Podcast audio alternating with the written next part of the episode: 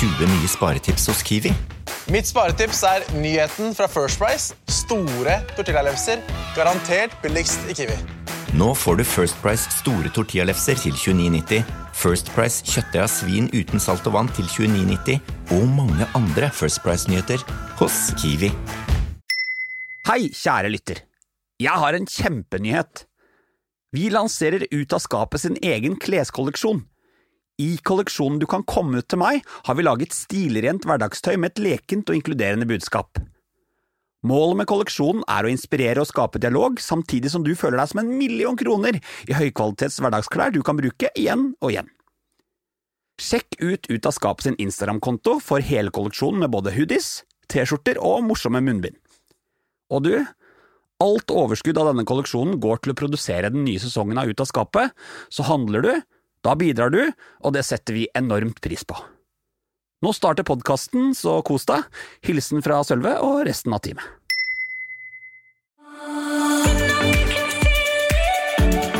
Digg damealarm. I denne episoden treffer du Katrine Nygaard i Ut av skapet. Altså, jeg går ikke så ofte på offentlige toalett når det er kjønna. Når det er liksom todelt i kjønn. Fordi at det er jo Nettopp fordi at jeg har hatt mange eh, bisarre opplevelser på dametoalettet. Hvordan type opplevelser da? Nei, altså folk går inn og altså, Det som er verst, er jo når folk eh, når folk eh, kommenterer og folk stiller spørsmål. Det er jo mange som spør om jeg har gått feil, det skjer veldig ofte. Men Har det skjedd? Det, skjer, det skjer nesten hver, hver gang. Eller hvis det er på en måte et eh, offentlig toalett der det er mange i rommet, så skjer det ofte. Katrine er journalist, programleder og podkaster. Hun er lesbisk, og hun er allergisk mot stereotyper. Selv om hun, som hun selv sier, passer inn i alle lesbeboksene. I denne episoden snakker vi om oppveksten som brun adoptivkid på liten øy. Vi snakker om kjønnsuttrykk, og ikke minst snakker vi om dating. Dating er skikkelig digg. Kos deg med Katrine på øret.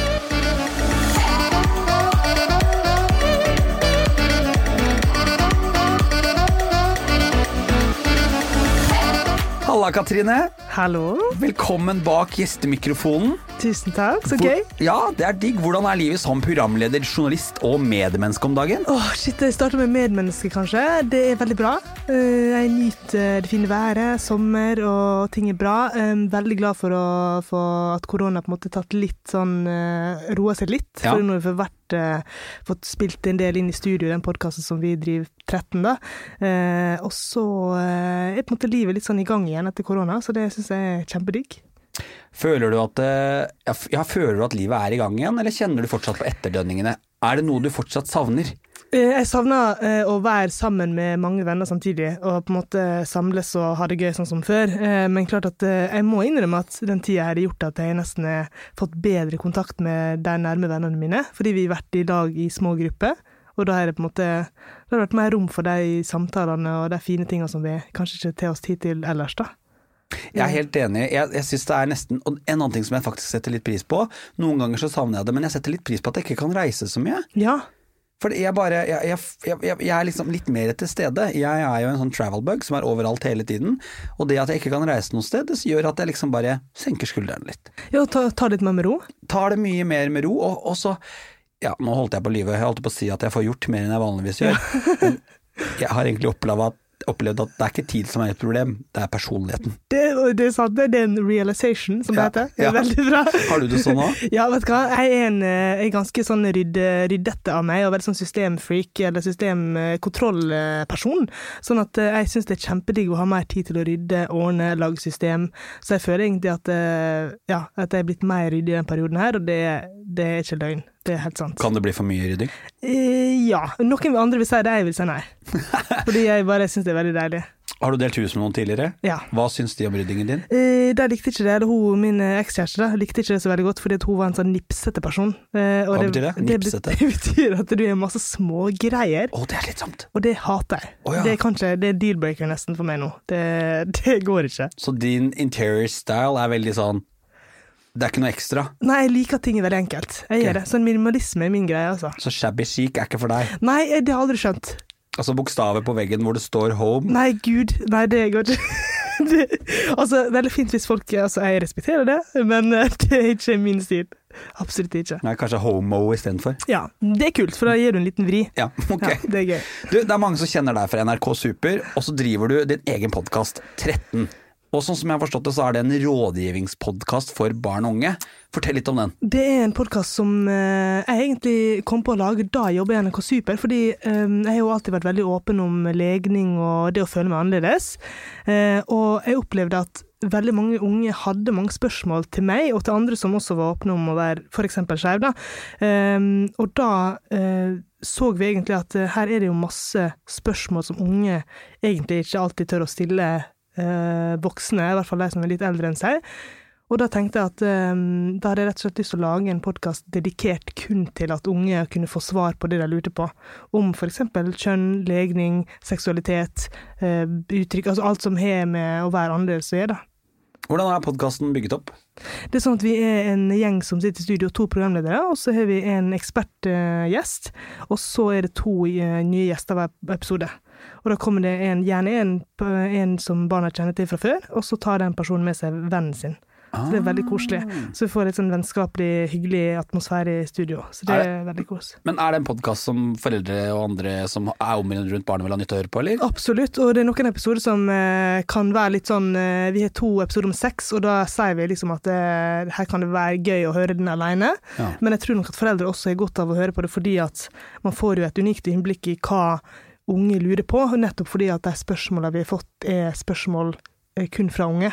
Og det, alt vi svarer på, er bare spørsmål som vi har fått fra barn og unge. da. Jeg vet at dere annet har med dere eh, Nils Petter, doktor Nils, som har vært gjest hos meg også. Absolutt, og han er vår faste ekspert. Oh, ja. Så det er helt nydelig. Så han er med i hver episode og svarer på liksom da, Han kan være vår fagtunge ekspert som gjør at vi liksom vi kan tørre å svare på ting vi ellers kanskje ikke ville og få turt å svare på. Ja, veldig. Å, jeg skulle ønske dr. Nils ville være min faste ekspert. Og han er helt herlig. I livet. Han er fantastisk. I livet. Altså, jeg, jeg skulle ønske jeg bare Jeg har han jo egentlig på en armlengdes avstand, men det hadde vært hyggelig om han bare kunne ringe hver gang man lurte på noe. Altså, alle trenger en doktor Nils i livet sitt. Absolutt alle. Ja.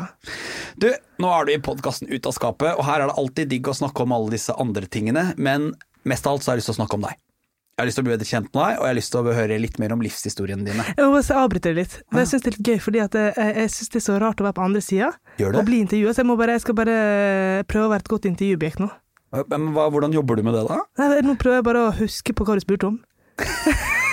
så jeg skal prøve, prøve å skjerpe meg. Er du klar nå? Ja, nå er jeg klar. Si ifra, skal vi telle ned? Ja. Tre, to, én. Du er nødt til å fortelle meg litt om Katrine, som kom fra den der bitte lille øya Longva. Og dit kom du når du var fem måneder? Ja, jeg var et halvt år. Jeg kommer fra India, altså en by som hadde 14 millioner innbyggere, til Longva, som er 500 innbyggere. Og det var jo klart at eh, jeg var den første brune på øya, Ja. i den øyas historie. Er det serr, liksom? Det er. Altså, jeg har ikke gjort ekstrem research på det, men jeg er ganske sikker på, 99,9% sikker på at eh, det ikke har vært en annen brun person der før meg. Og det er jo, du kan tenke deg sjøl at det er, er jo et eh, Det skaper jo oppstandelse, eh, og er grobunn for mye eh, plaging og rasisme og alt mulig rare ting som kan skje, men først og fremst så var det jo på en måte jeg tror det var en stor overgang for mange rundt i nærmiljøet, f.eks. på skolen, og lærere som på en måte første gang opplevde at rasisme er en greie. For det var helt nytt for dem? Altså Det virka i hvert fall sånn, det var, det var ikke sånn at de hadde tatt opp den problemstillingen før. Sånn at eh, jeg følte jo tidlig at jeg var veldig annerledes, og at det på en måte det var mitt stempel i livet. At det liksom eh, Du var attraksjonen. Ja, det, kanskje ikke attraksjon, men at, men at jeg på en måte var ikke en del av alle andre. Og det har jeg aldri fått følelsen av heller. Jeg har alltid følt at jeg alltid vært litt på sida og litt utafor, på en måte. Hvordan type ting tenker du på da? Eh, Det har jo både med hudfarge, selvfølgelig, men også det med jo at jeg senere kom ut som eh, homo og nå også hadde et annet kjønnsuttrykk, var veldig maskulin, guttete, eh, som gjorde at det liksom, jeg tikka på veldig mange annerledes eh. Så det var på en måte jeg ble tidlig vant til det, da, for å si det sånn. Jeg måtte tidlig reflektere og være veldig bevisst på hvem jeg var, da, rett og slett.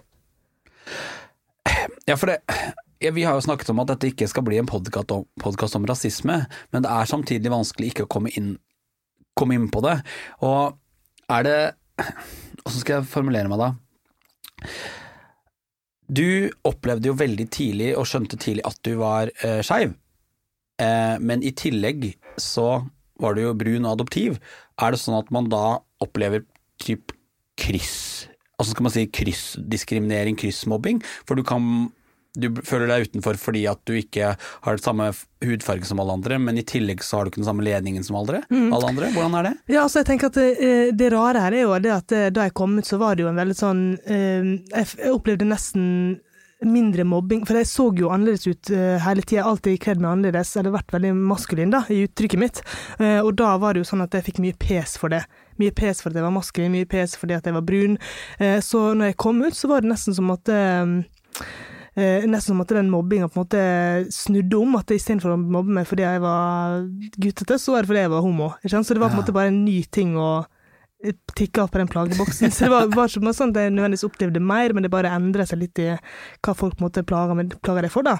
Som det sikkert er veldig vanlig Som er sikkert veldig vanlig når man er ung, da. At unge er sånn mot hverandre. Eller i hvert fall barn, da. For altså, du sa noe veldig fint til meg. Du sa at du alltid selv har skjønt, og veldig tidlig skjønte at du likte jenter, og ble forelska i jenter. Men det som var vanskelig for deg, det var at ikke alle andre var sånn. Ja, altså, det er rart, for jeg hadde jo en enorm eh, Altså, jeg var veldig tidlig ute med å skjønne at jeg likte jenter, men klart at eh, når man er liten, så har man ikke ord på ting. Man bare føler, og man bare lever livet. Eh, og, og det er jo en utrolig fin ting, men så er det jo det at man vokser opp, og så blir man eh, konfrontert med visse ting. Så, så før puberteten så hadde jeg jo bare gått rundt og vært forelska i jenter, og så trodde jeg bare at sånn er det for alle andre jenter også. Altså At det var helt normalt? Jeg trodde det var akkurat sånn jeg følte meg, sånn jeg følte meg ekstra glad i bestevenninna mi, for eksempel. Så tenkte jeg at hun føler jo vel det samme. Ja. Så da jeg vokste opp og skjønte at sånn er det ikke, det var en enorm sånn omveltning. Det var bare sånn Shit, er, hva i verden er det egentlig er, og hva Jeg måtte liksom eh, re, altså, tenke over alt på nytt. For jeg syns det var rart at ikke alle andre jenter kjente det på samme måten. Ja, for hvordan forholder man seg som liten jente til akkurat den der forventningen om at de rundt deg sier at du skal like gutter? Husk, har du, du fikk vel det sikkert servert? Og, Ja. og er det noen du er forelska i, eller Jeg hadde en bestekompis eh, som jeg var med hele tida. Jeg husker det at eh, da vi begynte å bli litt eldre, kom i den tida man begynner å spørre om man er kjæreste og sånne ting, da, da husker jeg at eh, mange voksne var veldig på at, eh, han er, at jeg og han var kjærester. Og da meldte den første vonde magefølelsen seg. For da var det sånn Hæ, hva mener jeg med det? Nei, nei, det blir feil. Eh, For jeg kjente at han er ikke en person som jeg har lyst til å være kjæreste med. For det var jo bestevenninna mi eller en annen venninne, eller altså det var jo jentene jeg på en måte hadde den interessen for.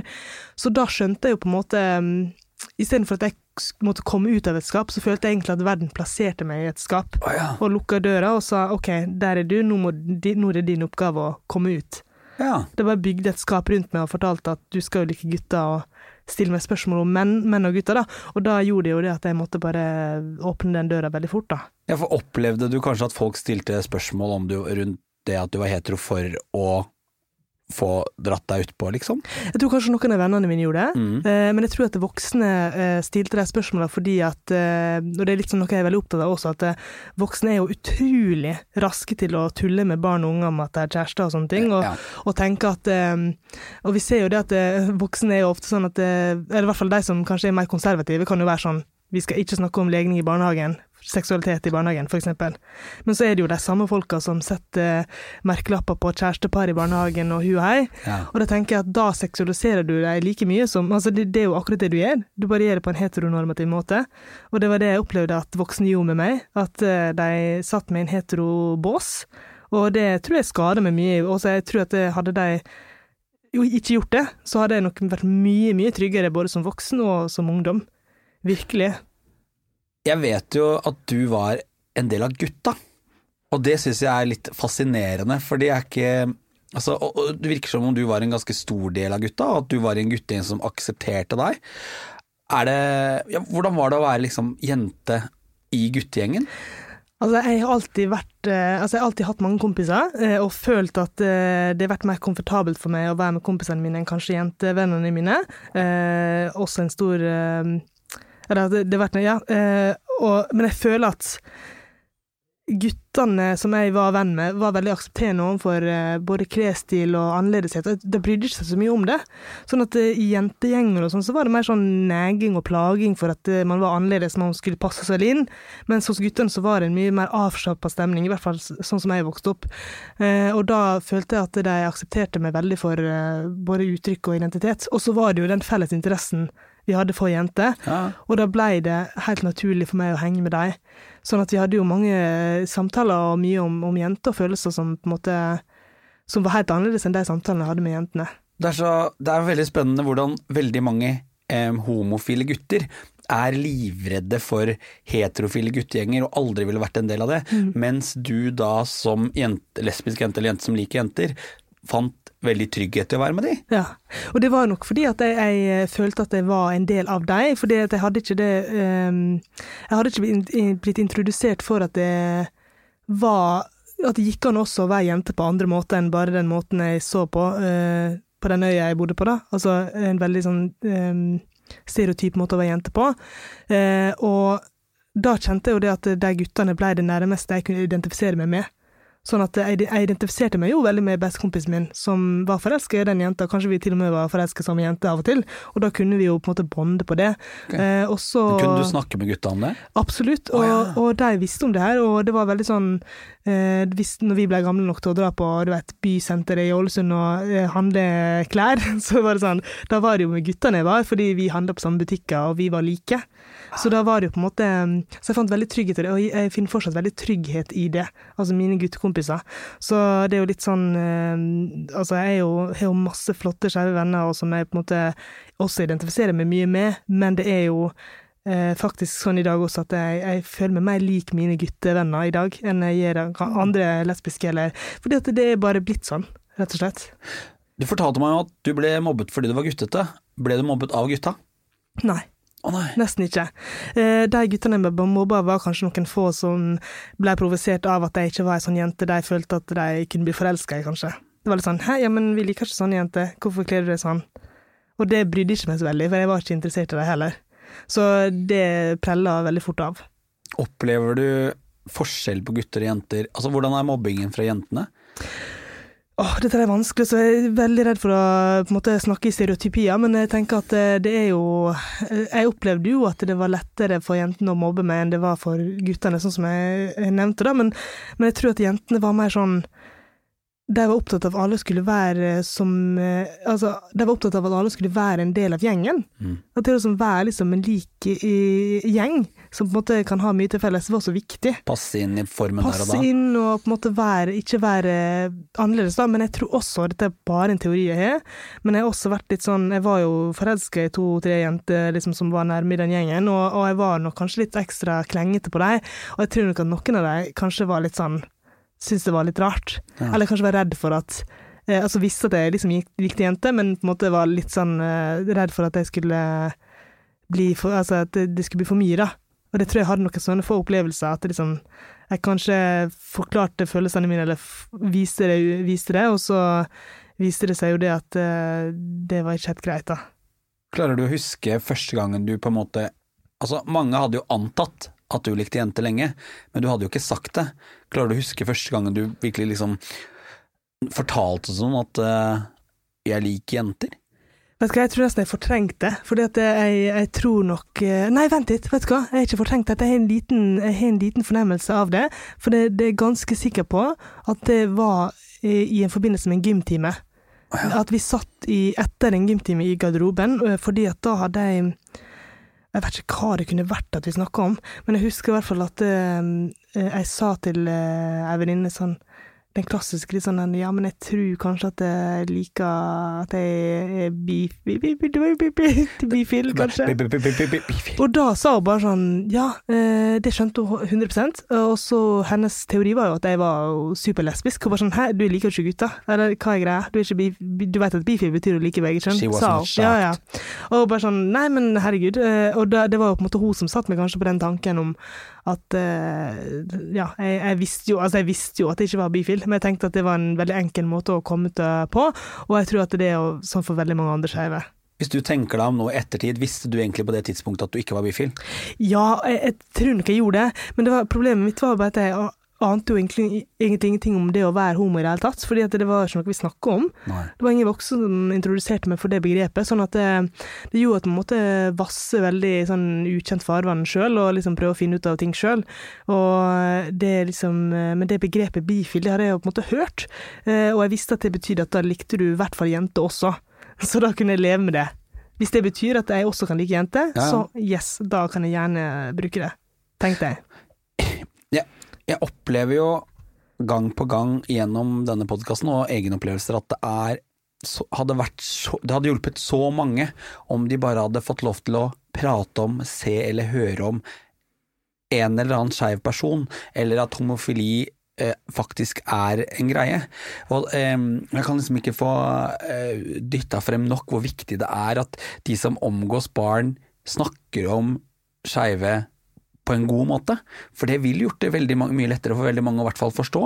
Og det er jo sånn at man skal fortsatt gjøre den interne eh, jobben med å akseptere seg sjøl. Den vil være like tøff uansett, men det er nok litt lettere å innse det tidligere. For det er nok mange av oss som kanskje blir frarøva noen gode år bare fordi at vi ikke tør helt å innse hvem vi er. Absolutt, og jeg tenker det er også så enormt viktig. Altså, jeg har jo jobba mye med barn og unge eh, ganske lenge, og jeg, jeg syns at det eh, det jeg merker rundt meg også, er jo det at jeg er heldig å jobbe med veldig mange åpne personer som er gode forbilder, og som er opptatt av å være gode forbilder. Men jeg mener at når du jobber med barn og unge, så er ikke det bare på slump om du skal være et godt forbilde eller ikke. Da mener jeg at da er det et ansvar du har. Og da mener jeg også at det ansvaret du har, innebærer at du må, du må virkelig kanskje understreke nok at du må være inkluderende i språket ditt, og det beste du kan gjøre, er å være inkluderende i måten du snakker på, og ikke drive og heteronormativisere jeg vet ikke om det er et ord, men eh, være, het- ja, ja, være heteronormativ eh, i ordbruken sin. For jeg tror det er kjempeskadelig. Jeg vet at det er skadelig for meg også, eh, fordi at barn lytter. Altså barn lytter og tar til seg, og, og det tror jeg man glemmer. Og hvor viktig det er å være bevisst de signalene man sender ut. Jeg har blitt ganske bevisst på at vi fortsatt har en ganske lang vei å gå med barn etter at jeg begynte å bruke TikTok, for der følger jeg en del skeive norske profiler, og mange av de får ganske tøffe kommentarer i kommentarfeltet sitt fra unger. Som er, og, og dette er jo barn som da sitter på et sosialt medium som foreldrene i utgangspunktet ikke har kontroll på. Jeg tror ikke helt foreldre er klar over hvor eh, shitty egentlig TikTok kan være innimellom. Så ser jeg norske gutter og jenter skriver ganske stygge, kritiske ting om skeive og kommentarer på utseendet. Så det er jo tydelig at det, det er fortsatt viktig å gjøre den jobben der. Og det er jo noe man må starte med, og jeg tenker at det, det er jo noe man må starte med som voksne og når man snakker til barn, og måten man oppdrar barn på. Fordi at eh, de holdningene kommer ikke av seg sjøl. Det er viktig å huske på at jeg tror ikke at man vokser opp og plutselig blir homofob eller en mobber på nett. Jeg tror at det er av at man ikke har fått de riktige, måte, den riktige Inputen. inputen fra voksne. Det tok litt tid før du fortalte det til foreldrene dine. Ja, jeg, jeg brukte litt tid, altså, men det, altså, det var ikke altså, Spørs hva du mener med lang tid, for jeg tenkte noen bruker årevis, men jeg tror det var noen måneder fra meg. For det, altså, det tok noen måneder fra den første garderobesamtalen med venninna til på en måte med foreldrene mine, og det var fordi at jeg, jeg ville være sikker. Fordi jeg tenkte at jeg, jeg vet det like gjerne, men jeg må være sikker. Så da måtte jeg på en måte utforske litt først, og så finne ut av ting. Og hvordan utforsker man og finne finner ut av ting? da, det sier jo kanskje det verste at jeg syns det er så flaut å snakke om sånt. Det var sånn, men det bare Det var Jeg måtte liksom eh, Jeg måtte Du vet være Jeg måtte sjekke Du får jo ikke meg til å si det du jo, skal si selv. Jeg, jeg, jeg måtte sjekke stemninga. Okay, hvordan å sjekker man stemninga da? Sjekke stemninga ved å kanskje gjøre eh, ting man tenker er hyggelig å gjøre med en kjæreste eller en, en man liker. Og internett. ja. Ja. Int du kan alltid skylde på internett. Altså, jeg fant min første på en måte, jeg barndomskjæreste på Nettby. Det er fantastisk. Nettby? Nettby. Eh, Det var en gammel sånn chattetjeneste. Ja, ja. Eh, Så det var jo kjempebra. Men eh, tilbake til, til komme ut. Det var jo sånn Jeg måtte finne ut av det. Jeg måtte føle meg trygg. Jeg hadde møtt ei dame som jeg syntes var veldig kul, og da tenkte jeg at nå veit jeg det. Var det Nå- hun nå som på en måte Var det med hunden du skjønte at dette er meg? Ja, det var det. For jeg tenkte at eh, nå føltes det riktig. Det, eller det føltes sånn jeg tenkte at det skulle føles, eh, og derfor så følte jeg meg klar. Og det som jeg gjorde da, var at jeg eh, bare sendte en SMS til faren min. Jeg var på besøk hos ei venninne på det tidspunktet. Jeg tenkte det var lettere å bare sende en SMS, så jeg ikke fikk den. Hvis det, hvis det skulle være en reaksjon, så tenkte jeg da gidder ikke jeg å være, være i rommet. For jeg ville skåne meg. Det var egentlig for å skåne meg sjøl. Så jeg sendte en SMS til pappaen min og skrev bare Jeg tror jeg skrev bare Hei, jeg ville bare si det at jeg kommer ikke til å få meg guttekjæreste. Og da husker jeg fikk svar, og det var bare sånn OK, middag klokka fire. Og det var det. Det var sånn Det beste svaret jeg kunne fått. Var ikke det digg? Helt fantastisk. Altså, det å bare lage minst mulig føss ut av det, Mm. selv om du som forelder er full av følelser, for det er du nok, for Mm. du skjønner jo at barnet ditt har gjort, er igjennom noe veldig stort, så er det så viktig å bare legge lokk på de følelsene akkurat der og da. Mm. Fordi at det her er kiden ditt sin moment. Ja. Kunne du fått noe bedre svar? Nei, kunne ikke det. Altså, jeg, jeg tenker at det viser jo hvor utrolig åpne og fine foreldre jeg har, og det er jo absolutt ikke sånn for alle. Eh, så der var jeg kjempeheldig. Men jeg tror at foreldrene mine også har vært bevisst på det med at i verden så kommer man til altså Uansett hvem man er og hvem man elsker og hvordan man ser ut, så vil man møte mye negativitet og dritt ute i verden, og da er det så viktig at man møter godhet og kjærlighet, i hvert fall i hjemmet. Jeg syns det er helt sprøtt å tenke på at eh, noen foreldre tenker at det er naturlig å å utvise hat eller diskriminering mot barna sine innenfor husets fire vegger når de vet hvor hard været kan være. Da. Det syns jeg det er uforståelig for meg. Hjemme skal jo være det tryggeste. Mm. Du, jeg har veldig lyst til å snakke om, med deg om noe som eh, jeg vet også er din fanesak, og det er dette her med å liksom skille legning og kjønnsuttrykk. Eh, fortell meg litt om hvorfor det er viktig, og hva det er. Jeg kan starte med å si at det, eh, da jeg kom ut, så hadde jo jeg fram til da blitt veldig plaga for at jeg var eh, guttete, eh, hvis man kan bruke det ordet. Nå lager jeg sånne hermetegn med Du kan bruke det hendene. Ja. Eh, men la oss si maskulin, da. Ja. Eh, maskulin, og da eh, fikk jeg mye pes for det. Men da jeg kom ut av skapet, så stoppa det peset momentant. Eh, fordi da ble det nesten som det folk forsto hvorfor jeg kledde meg sånn. Det ble litt sånn å ja, ja, men hun er homo, ja. Ja ja, ok, men da skjønner vi det. Skjønner du? Sånn tullete ting. Og da ble jeg så sjokkert, fordi det at jeg kledde meg i eh, maskuline klær og brukte skjorte og huei, det hadde jo ingen verdens ting med hvem jeg forelska meg i å gjøre. Og da er jeg blitt så, jeg blitt så opptatt av det, fordi det, det er jo så mange skeive som absolutt ikke ser ut som meg, som absolutt ikke er et maskulint kjønnsuttrykk, som også er like homofile og lesbiske og alt mulig, eh, som ikke på en måte trenger å bryte de kjønnsnormene. Um, og derfor så tenker jeg at det er så viktig å snakke om igjen og igjen at, at den du forelsker deg det har ikke noe med hvordan du kler deg å gjøre. Det er, to, det er to forskjellige ting. Og jeg tenker fortsatt at det er et problem også i, i mange skeive miljø. At man liksom har forventninger til hvordan man skal se ut, hvordan man skal være, og man har masse båser. Altså, jeg hørte episoden med Silje Nordnes som snakker om stem og stødd og fem og sånt. Og jeg tenker det at eh, det det er fint at man kan båsette seg hvis man har lyst til det, og at det er viktig, men, og det er et viktig verktøy, men jeg tror at det også gjør at det er vanskelig for mange å, å være seg sjøl. Og liksom å romme alt av uttrykk og, og sånt, da. Fordi at um, ja, jeg, jeg syns det var veldig snodig når folk på en måte legitimerte min, mitt uttrykk med at jeg likte jenter. Mm. For det, det, det har på en måte ingen sammenheng, da. Altså, du forteller meg at du er veldig opptatt av å liksom bryte ned stereotyper i det du sier nå, Mm. men samtidig så har du jo nytt veldig godt av stereotypene. Ja, For når du kom ut, mm, så var jo folk sånn Det har vi visst, for du kan jo bare se det på. mm. Er det sånn at stereotyper alltid er dritt? Altså, det er faktisk det er helt riktig det du sier, og det er jo dessverre sånn at jeg har jo nytt godt av stereotypene, for det er jo aldri Jeg tror ikke jeg noen gang har opplevd at noen har antatt at jeg har vært hetero. Altså det er liksom, Jeg tror alle er på en måte en slags forutinntatthet om at jeg er skeiv på en eller annen måte, nettopp fordi at jeg ser ut sånn som jeg gjør, kler meg sånn som jeg gjør. Og på en måte så syns jeg det er synd fordi det er dritt og at folk har så mange fordommer, men på en annen måte så har jeg jo, som du sier, jeg har nytt veldig godt av det, og det gjør at folk eh, skjønner hvem jeg er med en gang jeg går inn i et rom, og at jeg slipper å forklare meg. Men på den andre siden, for eksempel, jeg kan jo, det, nå skal man være forsiktig med å snakke på andres vegne, da, men man kan ta for eksempel eh, ekskjærester eller sånne ting, som opplever kanskje at når vi er gått ut eh, i offentligheten og så har de fått i kommentarer igjen og igjen på at de ikke ser homo ut, eller at de må komme ut av skapet igjen og igjen og igjen, og, at jeg, og jeg har sett sjøl hvor slitsomt det er for en person, og hvor utrolig vanskelig det kan være, og at, jeg, at mange ønsker å nesten endre utseendet sitt eller gjøre ting som gjør at de ser mer uh, annerledes ut, da, for å passe inn. Og jeg tenker når vi fortsatt er der, at folk føler det, da har vi en vei å gå, altså. For det, det er på en måte det å være homo og lesbisk, det, det må romme mye mer enn enn å på en måte Uttrykk. et, et uttrykk, for det er ikke det det handler om. Jeg er helt enig. Ja, det, eh, det er jo det er tøft å vokse opp og vokse til og finne ut av hvem man er, men har du noen gang liksom følt at du må endre måten du presenterer deg på for å liksom slippe unna boksene?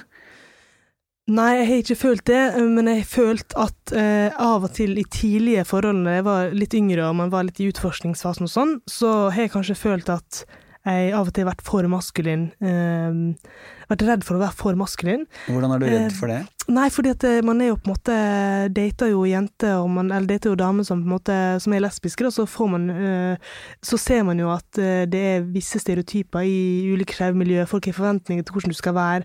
Um, og så er det sånn at mange jeg, når jeg, som jeg sa, når jeg, når, jeg, ser rundt meg og ser på andre maskuline jenter, så er det ikke alltid jeg klarer å identifisere meg helt. Sånn at jeg har alltid kjent veldig sterk dragning til å identifisere meg mer med menn i mitt Ja, liv. da.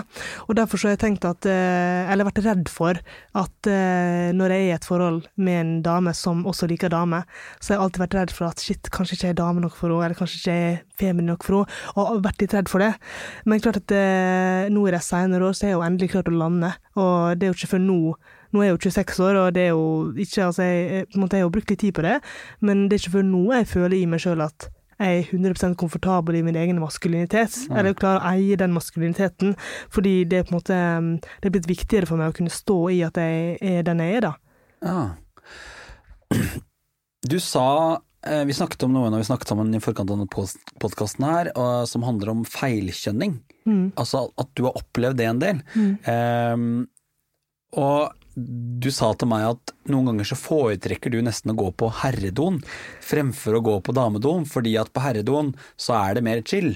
Der er det bare sånn Der står man med kuken i hånda og snakker om været. Ja, altså det er helt riktig, fordi jeg, jeg, altså, jeg går ikke så ofte på offentlige toalett når det er kjønna.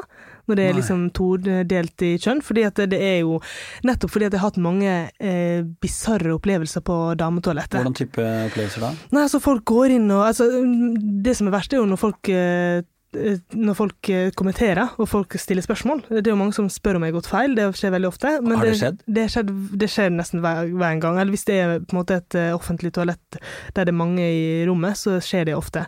Um, og det er liksom jeg tar, Altså, jeg tar aldri det slår aldri feil, altså. Hver gang jeg går inn på Damros, så er det et eller annet som skjer. Og det kan hende at jeg har litt sånn følende ute, fordi at jeg har opplevd så mye av det. That's typical gay. Ja, men faktisk. Men jeg føler jo veldig på at uh, ofte så er det helt uh, sant. At folk uh, kommenterer, folk tror rett og slett at det har gått feil, eller at de sjøl har gått feil. Så når det kommer, jeg husker en opplevelse av dem som kom inn og så rygga omtrent ut igjen og sjekka skiltet, og gikk inn igjen og skjønte at OK, men hun var feil riktig. Og da blir jeg sånn Hvor ukomfortabel blir du da? Jeg blir ukomfortabel fordi at eh, av og til så vil man bare gå og tisse. Og man vil ikke snakke om å liksom legge ut om sin egen identitet og livet sitt For for du må tross alt bare pisse. Sant? Og det er derfor jeg tenker at da er det i nøden så det har vært sånn at vet du hva, nå går jeg på herredo. For der har jeg aldri opplevd kommentarer. Nei. Og så jeg vet ikke om det er bare fordi jeg har vært heldig, men det er bare altså det, Folk gir blaffen, føler jeg. Og det er klart at nå er det jo en ekstrem stereotyp uh, måte å uh, tenke på da, da, hvis at det er menn på en måte, at man sier at menn ikke um, bryr seg så veldig. Men det er i hvert fall Jeg, jeg tenker bare at det, det er den opplevelsen jeg har, at jeg har ikke opplevd diskriminering på herredo. For at jeg liksom, Der har jeg følt meg trygg, fordi at uh, der går folk og tisser, og så går man ut igjen. Og kanskje fordi at eh, da Altså, jeg veit ikke Nei, jeg veit ikke. Det er vanskelig. Jeg aner ikke hvorfor det er sånn, men, men damero skremmer meg. Altså, det å oppleve feilkjønning, det kan være veldig nesten litt ydmykende og vondt, men det er jo også veldig vondt å være den som utfører det. Hvordan skal man liksom angripe feilkjønning? Hvordan kan man bli kvitt det? Jeg tror at uh, i min drømmeverden så ville det nok ikke vært sånn at vi drev og snakka om kjønn hele tida, i alle Nei. setninger vi brukte. Uh, fordi at jeg tenker at hadde vi hatt et mer kjønnsnøytralt språk, så tror jeg vi hadde spart oss for mye feil og mye feilkjønning og vanskelige situasjoner, også for transpersoner. Mange transvenner av meg som syns det er vanskelig. Um, og da er det jo Men jeg tror at når man først har det språket som man har, så tror jeg det at det er viktig å huske at det er ikke alltid det kommer fra et dårlig sted. Sånn at når folk tar feil av meg på toalettet, eller hvis folk sier han til meg på gata, så er det ikke sånn at jeg blir sur for det, jeg bare syns det blir litt ubehagelig, fordi at jeg veit hvor viktig det er for folk å eh, Eller jeg veit hvor ubehagelig det er å La oss ta det på en annen måte. Jeg veit at vi mennesker er jo så opptatt av å ha kontroll på ting. Vi er jo så opptatt av å på en måte møte folk på en god måte, og noe av det mest grunnleggende ved oss er jo nettopp hva kjønn vi er. Mm. Det er jo dessverre fortsatt sånn, altså det er jo en viktig del av oss. Um, og da er det jo så ydmykende for folk, opplever jeg da, at når de innser at de har tatt feil av meg, og da blir jeg liksom redd for det. Og jeg, i mange år så har jeg brukt, sånn, brukt mye tid på å finne ut av hvordan skal jeg skåne folk for den Ja, ydmykelsen. jeg kjenner meg igjen i den der. Da, det, men nå blir jeg så lei meg av å tenke på det, for det er jo ikke mitt ansvar. Og nå er jeg på en måte endelig klart å liksom stå litt mer i det. Og sånn, når folk tar feil, så står jeg i det. Jeg driver ikke og på en måte gir meg mer maskulin eller prøver å se mer ut som en fyr fordi at jeg tok feil. Ja, for, for det jeg kjenner meg igjen i, er jo akkurat det der hvordan vi skeive hele tiden tenker hvordan skal vi skåne de som møter oss eh, når de bommer? Men det er ganske viktig å forstå at vi trenger egentlig ikke å skåne de. Det er bare å ganske på en enkel, ryddig måte si hei, sånn her er det. Man trenger jo ikke å skåne hele tiden. Men så tror jeg det er viktig det med, du sier det med å bomme, at, eh, og, at det er viktig å bomme. Det er viktig at vi tør å stå i den bomminga. At det er litt sånn eh, at vi heller enn å fjernes fra situasjonen, at vi står i det, sånn at da veit man at hvert fall hvis man da står i en sånn situasjon, la oss si på dametoalettet, og en person tar feil. Hvis jeg da tar den samtalen, hvis jeg tør å ta den samtalen og, og har ork til det, så vet jeg at det er ikke sikkert at den samme personen neste gang kommer med en lik kommentar. Så jeg, så jeg tror det, det som er fint med den bomminga, er jo at det er veldig enkelt å endre folks holdninger.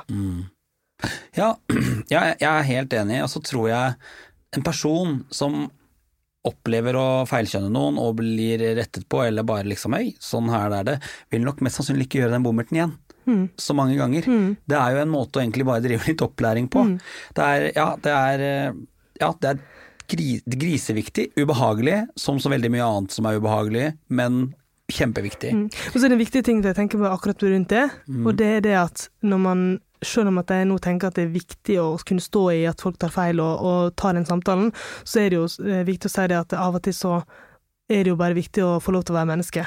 Ja. For av og til så har man en dårlig dag, av og til så er det ikke sånn at man orker å stå og flagge rundt om identiteten sin, og det må også være helt greit. Så, hvis, så jeg tenker det handler om hva du sjøl føler, og hva du sjøl føler er riktig å gjøre. På et generelt nivå kan kanskje de fleste bare slutte å eh, eh, anta kjønn og forholde seg til det. Det. Ja, jeg er helt enig, det ville gjort livet enklere for veldig mange i hvert fall. Og hvis man er usikker, så spør. Det, det er lov. Det, det er lov å spørre. For jeg tenker at hvis man blir veldig usikker, så er det bedre å, eh, å stille spørsmål til personen, for da, da, eh, da er du med på å ikke usynliggjøre personer. Jeg føler at når folk ser på meg og lurer på hva kjønn er, og går forbi meg og sier han, og så innser de i det øyeblikket at de har sagt feil, så er det mange som snur seg og blir kjemperedde og flaue over det.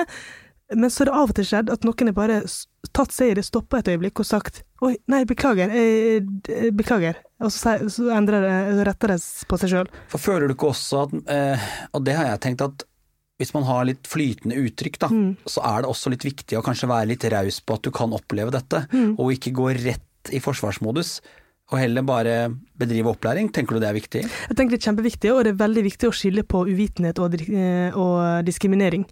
Eller trakassering. For det, og det er jo vel vanskelig å vite sjøl alltid, men jeg tenker at det, det er jo ofte at Altså Hvis man løper til toget og man ser feil og, og på en måte roper feil fordi man har mista lommeboka i bakken, så er det ikke nødvendigvis at det var da eh, det er da den personen mente å diskriminere deg. Men hvis du blir, men opplever, opplever sjøl at det, det her var en situasjon som var ubehagelig og ekkel, så kan man jo selvfølgelig ta det på en annen måte, da. Og det er jo veldig lett å avsløre bakgrunnen til de som sier det. Det merker man nesten på stemningen og holdningen og energiene de sender ut. Det er lett å skjønne at dette var en bommert, eller dette her var bevisst. Er du redd for å være feminin? Nei, absolutt ikke. Um, men jeg var nok um, jeg, jeg, jeg føler at det å være feminin har på en måte Jeg er blitt litt sånn småtraumatisert av det, fordi at jeg nettopp eh, vokste opp i eh, Selv om jeg hadde veldig åpne foreldre, så var de jo veldig sånn som putta på meg kjoler og sånne ting, og ting som vi ser på som feminine, da. Um, og da opplevde jeg at det var veldig vanskelig. Sånn at det å være feminin for meg, det ble noe som ble assosiert med noe jeg ikke ville være. Noe som jeg syntes var vanskelig. Sånn at det har på en måte forholdt meg til også i voksenlivet. Men i det siste året så har jeg på en måte lært meg å, å på en måte embrace mer mine feminine sider også, eller sånn som jeg føler feminine, eh, så, som et helt menneske, da. Så, men klart at eh, jeg, jeg er nok eh, mer komfortabel i det maskuline uttrykket og i det, det som er maskulint, fordi at det føles mer eh, kjent og bekvemt for meg. Det handler om trivsel. Det handler om trivsel, og det handler om den jeg er, rett og slett. Så det er bare, og det er bare tilfeldig at det som jeg føler meg som, og sånn som jeg ser ut, at det er noe verden kaller for maskulin, og at vi deler inn i maskulin og feminin. Det er bare at jeg tilfeldigvis eh, passer inn i den båsen da, som har blitt lagd for meg, egentlig. Så, men så jeg er absolutt ikke, sånn, jeg er ikke superkomfortabel i det feminine, men jeg, men jeg lærer meg jo å på en måte skjønne at det, det, å være, altså det å være maskulin eller feminin er, er jo på en måte ikke to steile fronter, men det er veldig to ting som rommer veldig mye. Altså, jeg vil jo bare si at i den saken du prater om nå, så er jo du et fantastisk forbilde i den jobben du gjør. Og det du jobber med. Du jobber jo blant annet Du jobber jo veldig mye med barn. Og du må jo, eh, du må jo være det Altså et helt nydelig forbilde for de. Altså, du er skeiv, og du har et annet uttrykk enn mange forventer, og du snakker direkte til barn. Jeg vet at barn elsker deg. Opplever du at barna er veldig nysgjerrig på deg? Det er veldig hyggelig sagt, men jeg, og jeg tenker at det, er utrolig Man er i en utrolig privilegert situasjon at man, hvis man får lov til å være et forbilde, og at i det hele tatt får lov til det, og da må, må man bruke det riktig. Og jeg har jo opplevd en del situasjoner med barn som som har fortalt, eller både foreldre og barn egentlig, som, som har mm, uttrykt at de syns det er fint at man på en måte kan eh, se andre typer jenter da, enn på en måte det man er vant til å se. Men jeg har en opplevelse som jeg husker veldig godt på Ikea. Eh, det På Ikea? Ja, på Ikea, for det, der er det, jo, det er ofte på Ikea det skjer, for der er det masse barn og barnefamilier og sånt. Og jeg husker, jeg glemmer aldri den opplevelsen av eh, Det var ei lita jente som kom bort til meg med mora på slep, da. Og så så jeg at hun var kortklipt og, og, og sånt, og jeg tror også at familien var fra India eller Pakistan. Um, um, og, og da sa hun lille jenta at hun hadde klippet håret sitt endelig nå, fordi at eh, hun hadde hatt lyst til det lenge, men fikk ikke lov av mora si, fram til at hun så skolefri. Og det var da hadde vi hatt en samtale om det med hår, og jeg hadde snakka om hvorfor jeg har klippet håret, og at det er greit når man er også, At man kan ha hvilket hår man vil, selv om man er jente. Og, og da eh, hadde hun fått klippet håret. Og om det var fordi at eh, Om det var av eh, at vi har snakka om det eller ikke, det vet jeg ikke, men jeg fikk inntrykk av at det var det. Og det må jeg si at det rørte veldig ved meg. Det er jo de små situasjonene der som eh, De er ekstra digg. Ja, og det, det glemmes uansett hvor mye man opplever etter det, eller hva, folk sier, så er det den situasjonen som jeg lever litt på. For jeg kom til å tenke det på henne veldig ofte, og tenke at det, det at hun følte at hun kunne være seg sjøl, det er så viktig. Og jeg tenker det, det vil jeg også at barn og unge skal føle, at de kan være seg sjøl. At det liksom, det er ikke noe Man skal ikke føle trang for å liksom passe inn. Jeg syns det er veldig synd at så mange føler. Og det er jo derfor det er Det er derfor jeg aldri kan få preachet nok, eksempel hvis du er synlig, du er en offentlig person, du har en plattform, et eller annet sånn, så er det så viktig å ikke tegne glansbildet. Bare gi folk akkurat det de får når de møter deg in person. Det er jo Jeg merker jo nå at det begynner å bli en veldig sånn Jeg ser nesten en eller en oppblomstring av at vi filtrerer livet vårt veldig på sosiale medier. Det er nesten verre enn noen gang. Skulle tro at det har blitt bedre fordi at vi har snakket om det noen år, men jeg ser det er mer filter, det er mer jålerier, det er mer Altså, jeg har tenkt på én ting. Nå har det vært dårlig vær i Norge i tre uker, i hele Norge. Og jeg har ekstremt mange bekjente som har vært på norgesferie. Jeg vet at det ikke har vært kos. Ja. Det har vært kaldt, det har vært regn, Ja, det har vært kø, det det har vært dyre ferjer, og det har vært primus med én panne. Ja. Og allikevel så klarer de å fyre ut bilder om hvor fantastisk det er på norgesferie. Ja. Jeg skjønner at det kan være fint på norgesferie i regn også, men det er ikke bare kos. Nei, det er ikke bare kos, og det er faktisk Og, og det, der er jeg svar skyldig, for det, det, jeg er akkurat sånn sjøl. Jeg legger ut bare hyggelige ting, og filter på og fliker og fikser på det, men det, men det er ikke fordi at det er på en måte Det er jo bare fordi at jeg syns at et bilde er fint og man tar et ekstra filter på. Det er liksom ikke med intensjon om noe at man liksom skal fine til livet sitt så veldig, men det er bare når man, man har den dårlige dagen, så er ikke man så keen på å liksom legge ut det. Men, men jeg, ja, jeg kjenner at det traff meg veldig at du sa det, fordi jeg må bli bedre på det. Men jeg, jeg har to sånne greier, da. For, for meg på sosiale medier, når jeg jobber med Instagram f.eks., så feeden min, der kan jeg jåle det til litt og være litt sånn ok, dette her er, her er dette er coveret på boka, og storyen min, der kan du få litt mer på innsida. Der kommer ekte livet. Der får du dobbelthakka. Ja. ja, men det er bra. Men jeg, må vi kjempe litt mer for. Ja, vi må Ja, kjempe for viktig. Jeg er helt enig, fordi den har vi alle. Ja. Uavhengig av størrelse. Ja. Dobbelthakket kan vi få fram. Du, Dette er en digg prat, men det er én ting som er like digg, og det er dating. Det kan være veldig bra, og det kan være veldig skummelt. Du ble singel for litt over et år siden, pluss minus. Ja, litt, ja. Og da vi snakka sammen i går, så sa du til meg at du ikke ville date deg selv. Ja, altså, det er jo litt sånn eh, Sier ikke man det at motsetninger tiltrekker hverandre? Jeg vet ikke om det er det man sier, men jeg, jeg tenker i hvert fall at ehm, Jeg tror nok at jeg ville vært litt mye og date meg sjøl. Jeg tror jeg, tar, tror jeg tar litt mye plass. Um, så, så jeg vet ikke helt om det på en måte ville vært uh, en god match å date meg sjøl. Men så handler det også om hva man tiltrekkes av, og jeg tror ikke det at det liksom det er den jeg er som på en måte er den beste partneren for meg, da. Derfor merker du at du faller for en viss type jenter. Ja, ofte det synes jeg er kjempeskummelt å snakke om, fordi det er stereotyper igjen. Uh, men ja, jeg er jo egentlig det, og jeg tenker at det, Ja, jeg er jo egentlig det. Å nei, nå ble jeg redd for å si noe feil.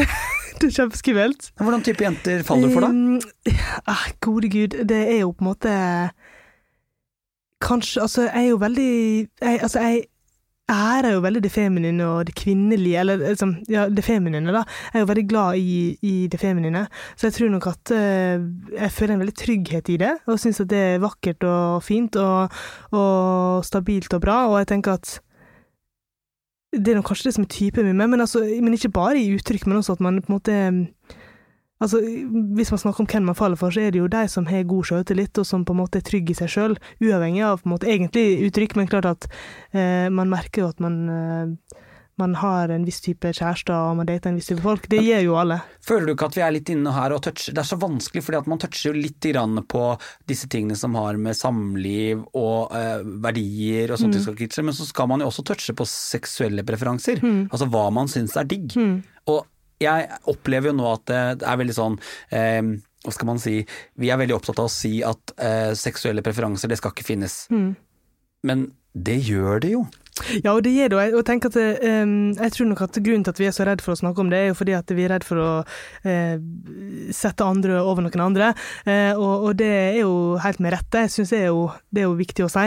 Men jeg, jeg tror at eh, de vi dater, de vi forelsker oss i, er jo Det går hånd i hånd med seksuelle preferanser. Det er jo en del av å være menneske.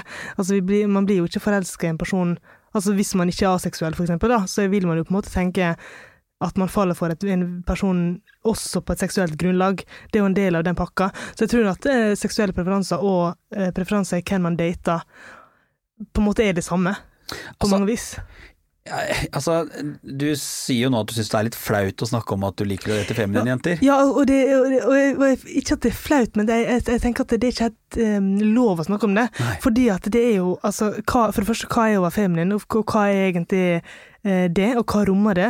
Eh, og hva på en måte mm, hva, Hvordan kan jeg sitte her og sitte hva jeg, si hva jeg har preferanse om? Jeg, jeg føler ikke at det er min plass å sitte og snakke om, og det er jo en grunn til at jeg føler det, at jeg blir flau over det og syns det er vanskelig, og merker at det er en brannfakkel og at det er et minefelt som jeg på en måte tenker å, det vil jeg holde meg unna. Men så når du spør om det, så syns jeg det er riktig og viktig av meg å svare.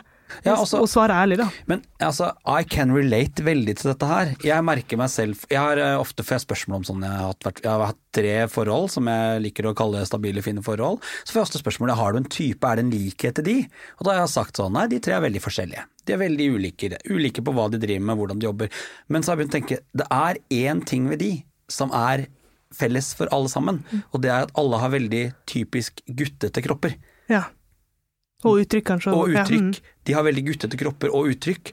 Og det er felles for alle de tre guttene eh, som jeg snakker om, og de guttene jeg faller for. Og så har jeg begynt å tenke hvorfor er det sånn, og så begynner jeg å tenke sånn jo, når jeg var liten så var jeg en liten fat kid. Jeg var ikke spesielt glad i å trene, jeg var eh, mer glad i å kjøre hele lasagneskåla ned i drøvelen. Eh, og jeg begynte veldig tidlig fordi at jeg ikke var så komfortabel i en kropp å jakte guttekropp. Det har liksom vært gullstandarden for meg, og derfor tror jeg litt i dag at jeg ser etter den type gutter er fordi jeg syns det er sexy fordi at det hele livet har jakta på det. Og da føler jeg meg jo litt rasshøl som er sånn. Men så ser jeg jo det at det er jo min standard. Ja, og så tenker jeg det er rart, og så jeg syns det er synd at du du føler at du liksom eh, Nesten føler deg som et rasshøl, liksom. At du, altså, altså, altså, fordi at du må At du har en type, nesten, bare. Ja. Eh, og jeg tenker at det, det Sånn burde man kanskje ikke ha det. fordi at det, man har jo den type man har, man faller for den man faller for, og det går også litt på det med legning også, at det handler jo litt om at ja, du forelsker deg i menn, jeg forelsker meg i jenter, og sånn er det, og det må vi på en måte akseptere. Og om man har preferanser, og som de aller fleste har, så er det, må det være OK å snakke om. Men selvfølgelig på en måte som gjør at, at folk ikke føler at, de, at man blir diskriminert. Altså det, det er jo på en måte noen som kan oppleve det. Helt enig også. Men så synes jeg ja, jeg forelsker meg i menn, men skal jeg være helt ærlig, så forelsker jeg meg ikke alltid helt i personligheten til menn. Ja. Altså Ofte så opplever jeg at, og nå stereotypevis, jeg elsker at vi gjør en podkast hvor vi skal snakke om det og ut av ikke-stereotype, og så ender vi opp med stereotype, men det, jeg syns det er viktig. Så merker jeg jo det at eh, jeg, jeg beundrer veldig væremåten til veldig mange av jentene jeg kjenner, og damene jeg kjenner, og hvordan de er med hverandre, og hvordan de tar vare på, og denne omsorgen og lojaliteten som jeg ser, den er det ikke alltid like ofte man finner hos gutter. Nei. Eh, Så, så jeg syns det er så rart at jeg sier jeg forelsker meg i menn, men noen ganger så tenker jeg jo at åh, hvis jeg har en litt dårlig dag og er nede og litt under pari på nikkinga, så føler jeg at jeg bare forelsker meg i gutter fordi jeg syns de er deilige å se på. Ja. Og at det blir veldig utseendefokusert. Ja, ja. Men jeg tenker det er sikkert mange som føler det sånn, og, jeg, og igjen, da blir det jo en del den seksuelle pakka, den seksuelle preferansen man har, og at kanskje det er det man Hvis man da har en dårlig dag, så er det kanskje det man eh, som ligger forrest i hodet, at man liksom bare tenker sånn at man, eh, man ekter på sin seksuelle preferanse, Ja, ja. heller enn å tenke på nå skal jeg se etter en livspartner, eller den jeg skal være med resten av livet, eller sånne ting, dype ting, da. Og jeg tenker det må være helt greit, og så, og så syns jeg vi må vi må skrape bort litt av det, den redselen for å snakke om det også, for jeg tror at det er viktig å snakke om ting, og selv om det kan være litt sånn Ubehagelig. ubehagelig, og folk kan mene at det er dumt å snakke om, så da, da syns jeg man bør snakke om det. Nettopp derfor. At uh, vi bør snakke om det som, synes, som er ubehagelig. Men jeg har, jeg har faktisk tatt litt tak i det selv, for jeg syns, jeg syns det begrenser meg for mye.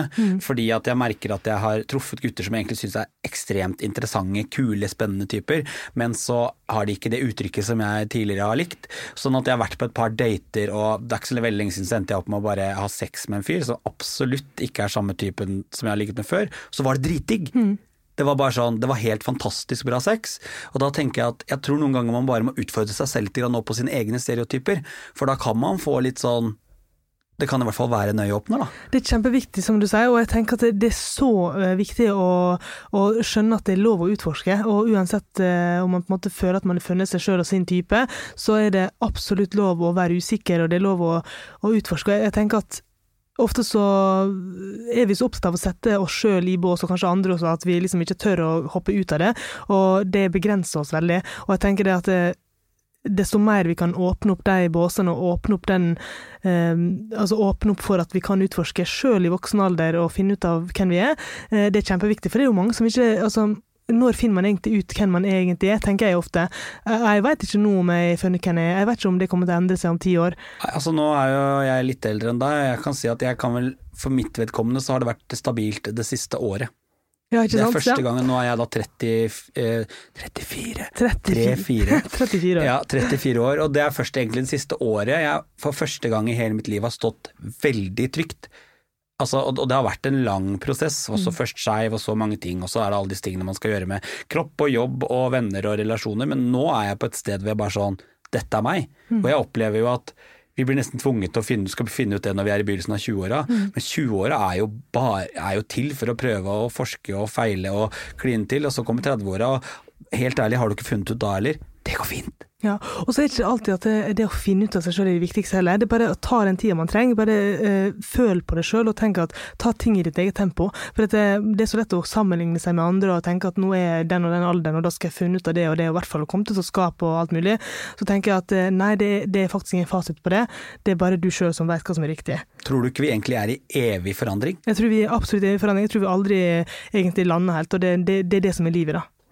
Og det, ja, og det må vi bare embrace. Du, hvordan er det når du blir forelska?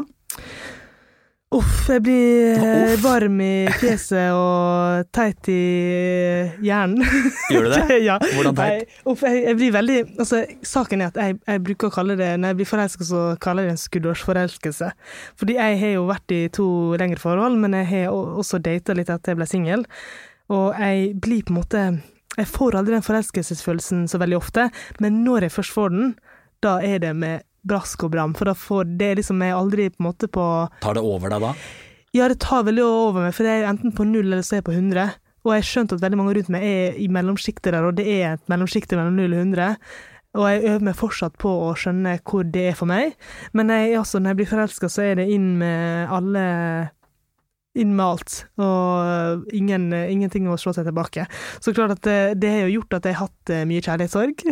det, altså, jeg har jo vært gjennom en del sånne små kjærlighetssorger, det må jeg innrømme. Så du har kanskje opplevd å få kjærlighetssorg for ting som ikke burde ha blitt kjærlighetssorg? Absolutt. Eh, og det er litt sånn eh, Man har jo data og blitt forelska og tenkt at eh, her skal det bli hus og barn og hund, hund og Volvo og stasjonsvogn. På Jessheim? På Jessheim, litt utenfor, jeg bor faktisk litt utenfor Jessheim, men eh, det er, jo, det er jo skikkelig Det er skikkelig kjipt å ha kjærlighetssorg, men jeg føler at jeg er blitt litt ekspert i det nå, rett og slett.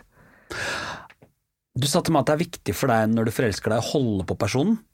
Det er, fordi, ja, det er viktig for meg å holde på personen nettopp fordi at jeg blir så sjelden forelska. Så når jeg får den skuddårsforelskelsen, så tenker jeg, da vet jeg med meg sjøl at nå tar det sikkert lang tid før jeg føler det samme igjen, så nå må, nå må det funke. Altså, nå må det bare gå. Um, så da blir jeg jo selvfølgelig enormt lei meg når det ikke gjør det. det er bare sånn. Fordi det er jo Man vil jo at det skal funke. Når man først finner en person man blir forelska i, så vil man at det skal gå bra. Og da er det sjukt dritt når det ikke gjør det. Hvordan coper du med kjærlighetssorg da, siden det er noe du opplever? opplever? Eh, Nå da? Ja, altså, jeg, det jeg har funnet ut at er, er viktigst, det er å bare ta vare på deg sjøl. Bare, det er ingen klisjé at man skal ta vare på seg sjøl. Gå og gjør det som er gøy for deg, men eh, husk å eller det som har vært viktig for meg, er å ha faste, fine, gode relasjoner rundt meg, som er vennene mine og familien. Eh, og det har skapt meg de siste åra en god base. for Jeg er så heldig som har så mange fine folk rundt meg, sånn at jeg vet at hvis det går ille i kjærlighetslivet, så har jeg på en måte et annet liv rundt meg som er like verdifullt. Eh, kanskje ikke på samme måten, men jeg vet at det, det er folk rundt meg som kan, som kan gi meg god input og riktig eh, jeg, riktig næring da, for hjernen og for hjertet når, eh, når ting går dårlig i kjærlighetslivet. Men det er litt sånn Men jeg tror også det at eh, selv om man opplever kjærlighetssorg og at man opplever at ting ikke går bra, så er det også viktig at man fortsetter å tenke at kjærlighet kan gå, vel, gå bra. For det er jo veldig bra når det går bra. Og så er det jo lov å la livet være litt drit og kuk en Ja. eller to eller tre dager. Du, Det det, er er lov. lov å grite, det er, grine, det er lov å kjøpe Ben Jerry's. Ja, det, er det er lov å, det er lov å sette på den sangen som var deres sang, og bare ha det kjipt. Ja. Men bare ikke la det ta over livet sitt. Det er veldig viktig, og så er det kjempeviktig å bare føle at man altså, altså å føle på alle følelsene sine. At eh, kjærlighetssorg er en følelse, det også, og det er helt uh, naturlig. Og så tenker jeg at det viser jo det at det var hyggelig så lenge det varte. Og så hvis man har kjærlighetssorg for noen, så har det jo betydd noe. Så jeg tenker at um, så jeg, er ikke så, jeg er ikke så redd for kjærlighetssorg, det er ikke jeg. Men, jeg, men, jeg, eh, men jeg, jeg er veldig kjent med den følelsen nettopp fordi at jeg, jeg hopper inn i ting uten å se meg tilbake. Er du på Tinder? Ja. det er faktisk. Hvordan funker Tinder for deg? Eh, Tinder er veldig kult, fordi at um, når jeg bor litt, Nå bor jeg jo litt utenfor Oslo, da, eh, rett ved Gardermoen, så da er det Får man en Får man på en måte en god miks av distriktsfolket og by, byfolket, og det liker jeg veldig godt. Ja, men er det Altså, jeg er jo altså, homo bosatt på landet, så aka Tønsberg, det er landet som homo. Jeg Ja. opplever at der er det Jeg tror ikke jeg kan telle det på én hånd engang, hvor mange gutter jeg har funnet. Er det flere jenter på landet? Åh, det vet hva, det aner jeg ikke. Er det det? Det, det er kanskje et kanskje, Eller har du rota deg borti sånn Tinder gull? Vet du hva, jeg har jeg, Du har jeg, det? Jeg har hatt Tinder pluss, ja. ja. Og det er veldig gøy. Men det er fordi at grunnen til at jeg har hatt det, er fordi at uh, du kan se hvem som har likt deg. Og hvis at du kan se hvem som har likt deg, så kan du få en instant match. Og det syns jeg er gøy. Hvis du trykker da på den personen som matcher med deg, så får du en instant match. Og det betyr at da slipper jeg å sitte og swipe og tenke, at, eh, og tenke om den personen sveiver tilbake på meg. Ja, altså jeg skjønner. Jeg, jeg stråla gjennom min egen Tinder i går når vi pratet sammen i forkant Ja. av podkasten, og fant ut at jeg har over 100 matcher på Tinder. Er det det? Ja, over 100. Men har du kjøpt et pluss nå? Nei, jeg har ikke kjøpt pluss. Eh, med over 100 matcher på Tinder som jeg ikke har snakka med. Ja, men det er jo helt utrolig. Det er jo, det er jo helt krise. Så du må jo snakke med deg. Så hvis du hører på denne podkasten og har matcha meg på Tinder og ikke har sendt melding, da kan du bare sende meg melding. Nei, men du, det, du må matche med deg først. Ja, men jeg har matcha, men jeg skriver ikke med de. Ja, oi, sånn, ja. Du er ikke en som skriver først? Nei. Nei, gode gud. Nei, men det er jeg. Jeg har begynt, Er du det? Ja, jeg, jeg har begynt, ja. begynt litt, da. Men jeg er jo så klein. Hva, hva skriver du da, første gang du nei, opp uff, det er vanskelig. Hva er det jeg skriver? Jeg, skriver bare Spør om hvordan, jeg, hvordan Jeg tar kanskje en referanse fra bioen der, eller noe morsomt, men poenget er at jeg er veldig forkjemper for at hvis man vil finne kjærlighet og leve i hyggelig kjærlighet, så er det kjempeviktig å ta initiativ. Altså, jeg, jeg er så opptatt av det. Altså, Man kan ikke sitte på gjerdet og bare tro at folk skal komme rekende på en fjøl. Det, jeg tror ikke det er sånn det funker. For det er jo litt morsomt hvordan jeg tenker at jeg matcher med fyr, og hvis han ikke skriver til meg, så tenker jeg you're a fucking douche, du sitter der og leker deilig, men så gjør jeg jo det samme sjæl. Ja. Og jeg, synes, jeg, synes, jeg tror livet ditt hadde Kanskje du får en ny øyeåpner du, hvis du begynte å skrive først. Men jeg, jeg har begynt med nå, det har ikke vært så veldig øyeåpne for meg, fordi jeg tror jeg har litt sånn feil approach. Jeg har nå begynt med noe nytt på Tinder. Jeg skriver flaks, skriver jeg. Oi! Flaks, og så pleier jeg å svare sånn for hvem? Og skriver sånn det kommer an på. Og da er samtalen i gang. Ja. Men den dør fortsatt ut. Ja, men, men da Ok, men dette blir Vet du hva, det her, er- det her er et stort eh, Forskning. tema. Vi, dette må vi lage en egen podkast på. Men jeg tenker at eh, Tinder-livet ditt jeg, eh, Jeg lover deg, det kommer til å bli så mye bedre når du starter samtalen først. Men én ting jeg har blitt litt mer bevisst på på Tinder nå, det er at det er jævlig viktig å være ærlig.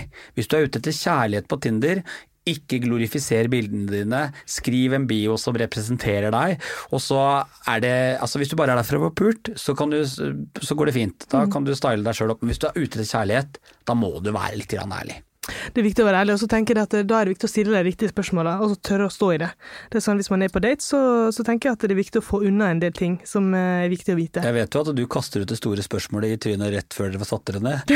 Ja, du tenker på barn? Ja, Ja, for jeg er jo veldig lyst på barn. ja. Men jeg, jeg, vil- jeg, vil- for det første så har jeg ikke lyst til å jeg, altså, jeg føler ikke det er riktig for meg å føde barn, så jeg har alltid visst at Altså du har ikke lyst til å være bakkommen?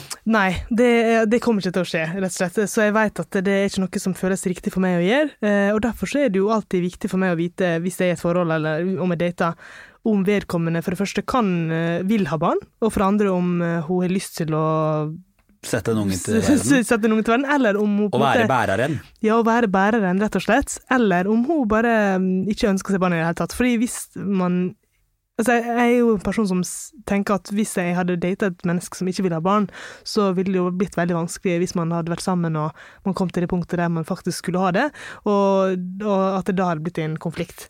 Så jeg tenker, få det unna med en gang, og så slipper du å waste tid. Du, jeg tenker at du er såpass deilig på alle måter at det der hadde løst seg. Hæ? Ja, men jeg er jo singel. Du hadde er overbevist dem. Jeg, er singelsølve, så det er altså Jeg tror ikke det er beviset. Men som jeg alltid sier, link til Instagram og kontaktinfo finner du i episodeinfoen. Og hvis, hvis du ser Katrine på, på Tinder, da sveiper du. Selvfølgelig den veien som er grønn. Om det er høyre eller venstre. Hvis det er riktig for deg, da. Ja. For du vil jo ikke ha innboksen din full av trash. Nei, men altså, jeg tror ingen er trash. Altså, alle er vakre på sin måte, så her er det bare å Å ja. si hei. ja. Ja, du driver barneprogram, du. Det er sånn det er. Nei men, det, nei, men jeg tenker Tinder er gøy, for jeg, jeg mener at Tinder er en kjempekul plattform. Jeg syns at Tinder har fått for mye pes, for at det er sånn her eh, Helt enig. Sånn her tull med at det- det er liksom bare ligging og, og sånt. Og, og hvis det er ligging man er ute etter, fantastisk. Da er det en god plattform. Men jeg tror også at det er masse folk som faktisk er ute etter lange relasjoner og andre typer ting. Ja, ja. Og det, det, derfor så er det kjempebra, spesielt i den tida vi har vært i nå, med korona og alt mulig, så tenker jeg at det, det å møtes på nettet på en sånn måte, det er ikke noe annet enn bare bra. Tinder er jeg, altså, Det der at folk sier at Tinder er en liggeapp, det er bare lureri. Jeg har ikke fått pult én gang på Tinder, men Instagram derimot, oh, ja, der er det mulig å få pult. Så da er det rett og slett Instagram som er den nye Ja ja. Instagram er det nye, og nå har jeg også hørt eh, i en episode med Silje at eh, TikTok er blitt en liggeapp. Ja, det er det? Nei, Ja. det har jeg ikke fått med meg. Jeg elsker TikTok, men ikke fått med meg det. Nei, altså det er jo, Jeg vet. ikke, jeg, jeg håper det gjelder for dere lesbene. For oss homsene så er det ulovlig å ligge med de som er på TikTok, så Ja, det skjer ikke. Fordi de er ganske unge. Veldig. Ja, det, Og det er helt uaktuelt. Nei, det må vi stoppe med med en gang. Ja, vi må aldri begynne med det. Det er sånn det er. Herregud, så deilig det er å ha deg på besøk. På slutten av podkasten pleier jeg alltid å spørre de digge menneskene som er i podkasten, om de har et eller annet litt sånn skeivt råd å komme med som gjør hverdagen litt mer inkluderende. Har du lura ut noe smart? Ja, altså det er jo et veldig stort spørsmål, og man kan snakke om eh, Man vil jo gi tusen råd, eh, men jeg tenker at eh, et nok som funker for meg, og det her rådet vil jeg gi til alle, egentlig, uavhengig av hvem du elsker, og hvem du forelsker deg, og hvordan du ser ut, eller hva du tror på. Fordi at jeg bruker å si til meg sjøl at det er så viktig å bære seg sjøl. Uh, og man tenker jo ofte at, det, at man, eh, man er jo avhengig av andre, og det er viktig å være også, men det er også viktig å kunne huske på at eh, du er din egen, din viktigste støttespiller. Altså du burde være din viktigste mm, bestevenn, og du burde Altså du Hvis du klarer å våkne opp om morgenen og tenke at eh, du skal bære deg sjøl gjennom dagen, gjennom uka, gjennom måneden, gjennom åra, så tror jeg livet kommer til å bli mye bedre. Fordi at eh, når man klarer å være sin egen bestevenn, så tror jeg at man klarer å komme seg gjennom mye eh, vanskelige dager, da. Og jeg tror at det, det å gi seg mindre avhengig av alle rundt seg, det tror jeg er en styrke. Og så kan jeg si en siste ting, og det er det at å være deg sjøl, det er din største styrke. Jeg er helt enig, og det er så digg å klare seg sjøl. Du, takk for at du ville være gjest ut av skapet. Tusen takk for at jeg fikk komme. Hei da. Hei da. Takk for at du hører på podkasten Ut av skapet. Det betyr mye for mange. Informasjon om dagens gjest finner du i episodebeskrivelsen. Sjekk alltid ut fine folk på sosiale medier. Denne podkasten er helt avhengig av deg, så er du glad i Ut av skapet, del om du lytter, og rate oss gjerne der du kan rate podkast. Jeg gleder meg skikkelig til nye skeive historier neste uke. Vi høres!